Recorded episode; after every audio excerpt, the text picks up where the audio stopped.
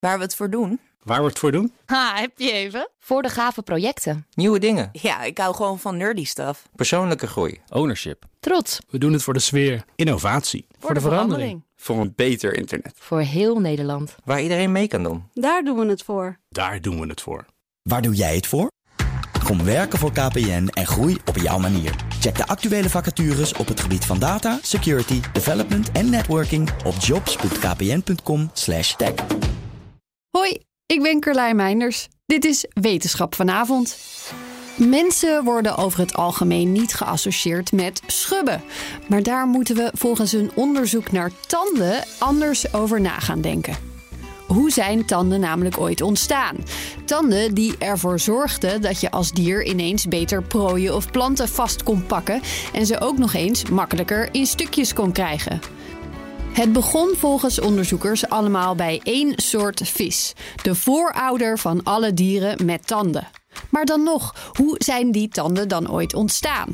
Volgens één theorie zijn schubben aan de buitenkant van de vis gemigreerd naar de binnenkant van de mond. Een andere bekijkt het andersom. Net als bij het weefsel van kieuwen moeten tanden van binnenuit zijn ontstaan. In deze nieuwe studie is gekeken naar de zaagvis, om duidelijk te krijgen welke theorie het beste past. Onderzoekers bestudeerden 70 miljoen jaar oude fossielen van een uitgestorven zaagvissoort. Specifiek keken ze naar de puntige uitsteeksels op de neus van het dier, de reden waarom het woord zaag in de naam voorkomt. Die puntige uitsteeksels worden vaak tanden genoemd, maar zijn eigenlijk gespecialiseerde schubben.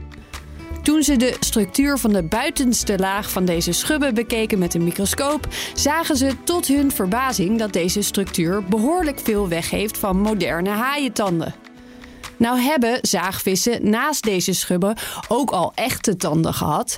Dus bij dit dier zijn ze niet van plek gewisseld. Maar het laat wel zien dat schubachtige structuren zich prima kunnen ontwikkelen tot tandachtige structuren. Een plusje voor de van buiten naar binnen theorie dus. Denk er maar eens aan de volgende keer dat je je schubben staat te schrobben. Is één minuutje wetenschap niet genoeg en wil je elke dag een wetenschapsnieuwtje? Abonneer je dan op Wetenschap vandaag. Ook Thomas van Zeil vind je in de BNR-app. Je kunt live naar mij luisteren in Zaken doen. De BNR-app met breaking news, het laatste zakelijke nieuws en je vindt er alle BNR-podcasts. Bijvoorbeeld Het Nieuwe Geld. Download nu de gratis BNR-app en blijf scherp.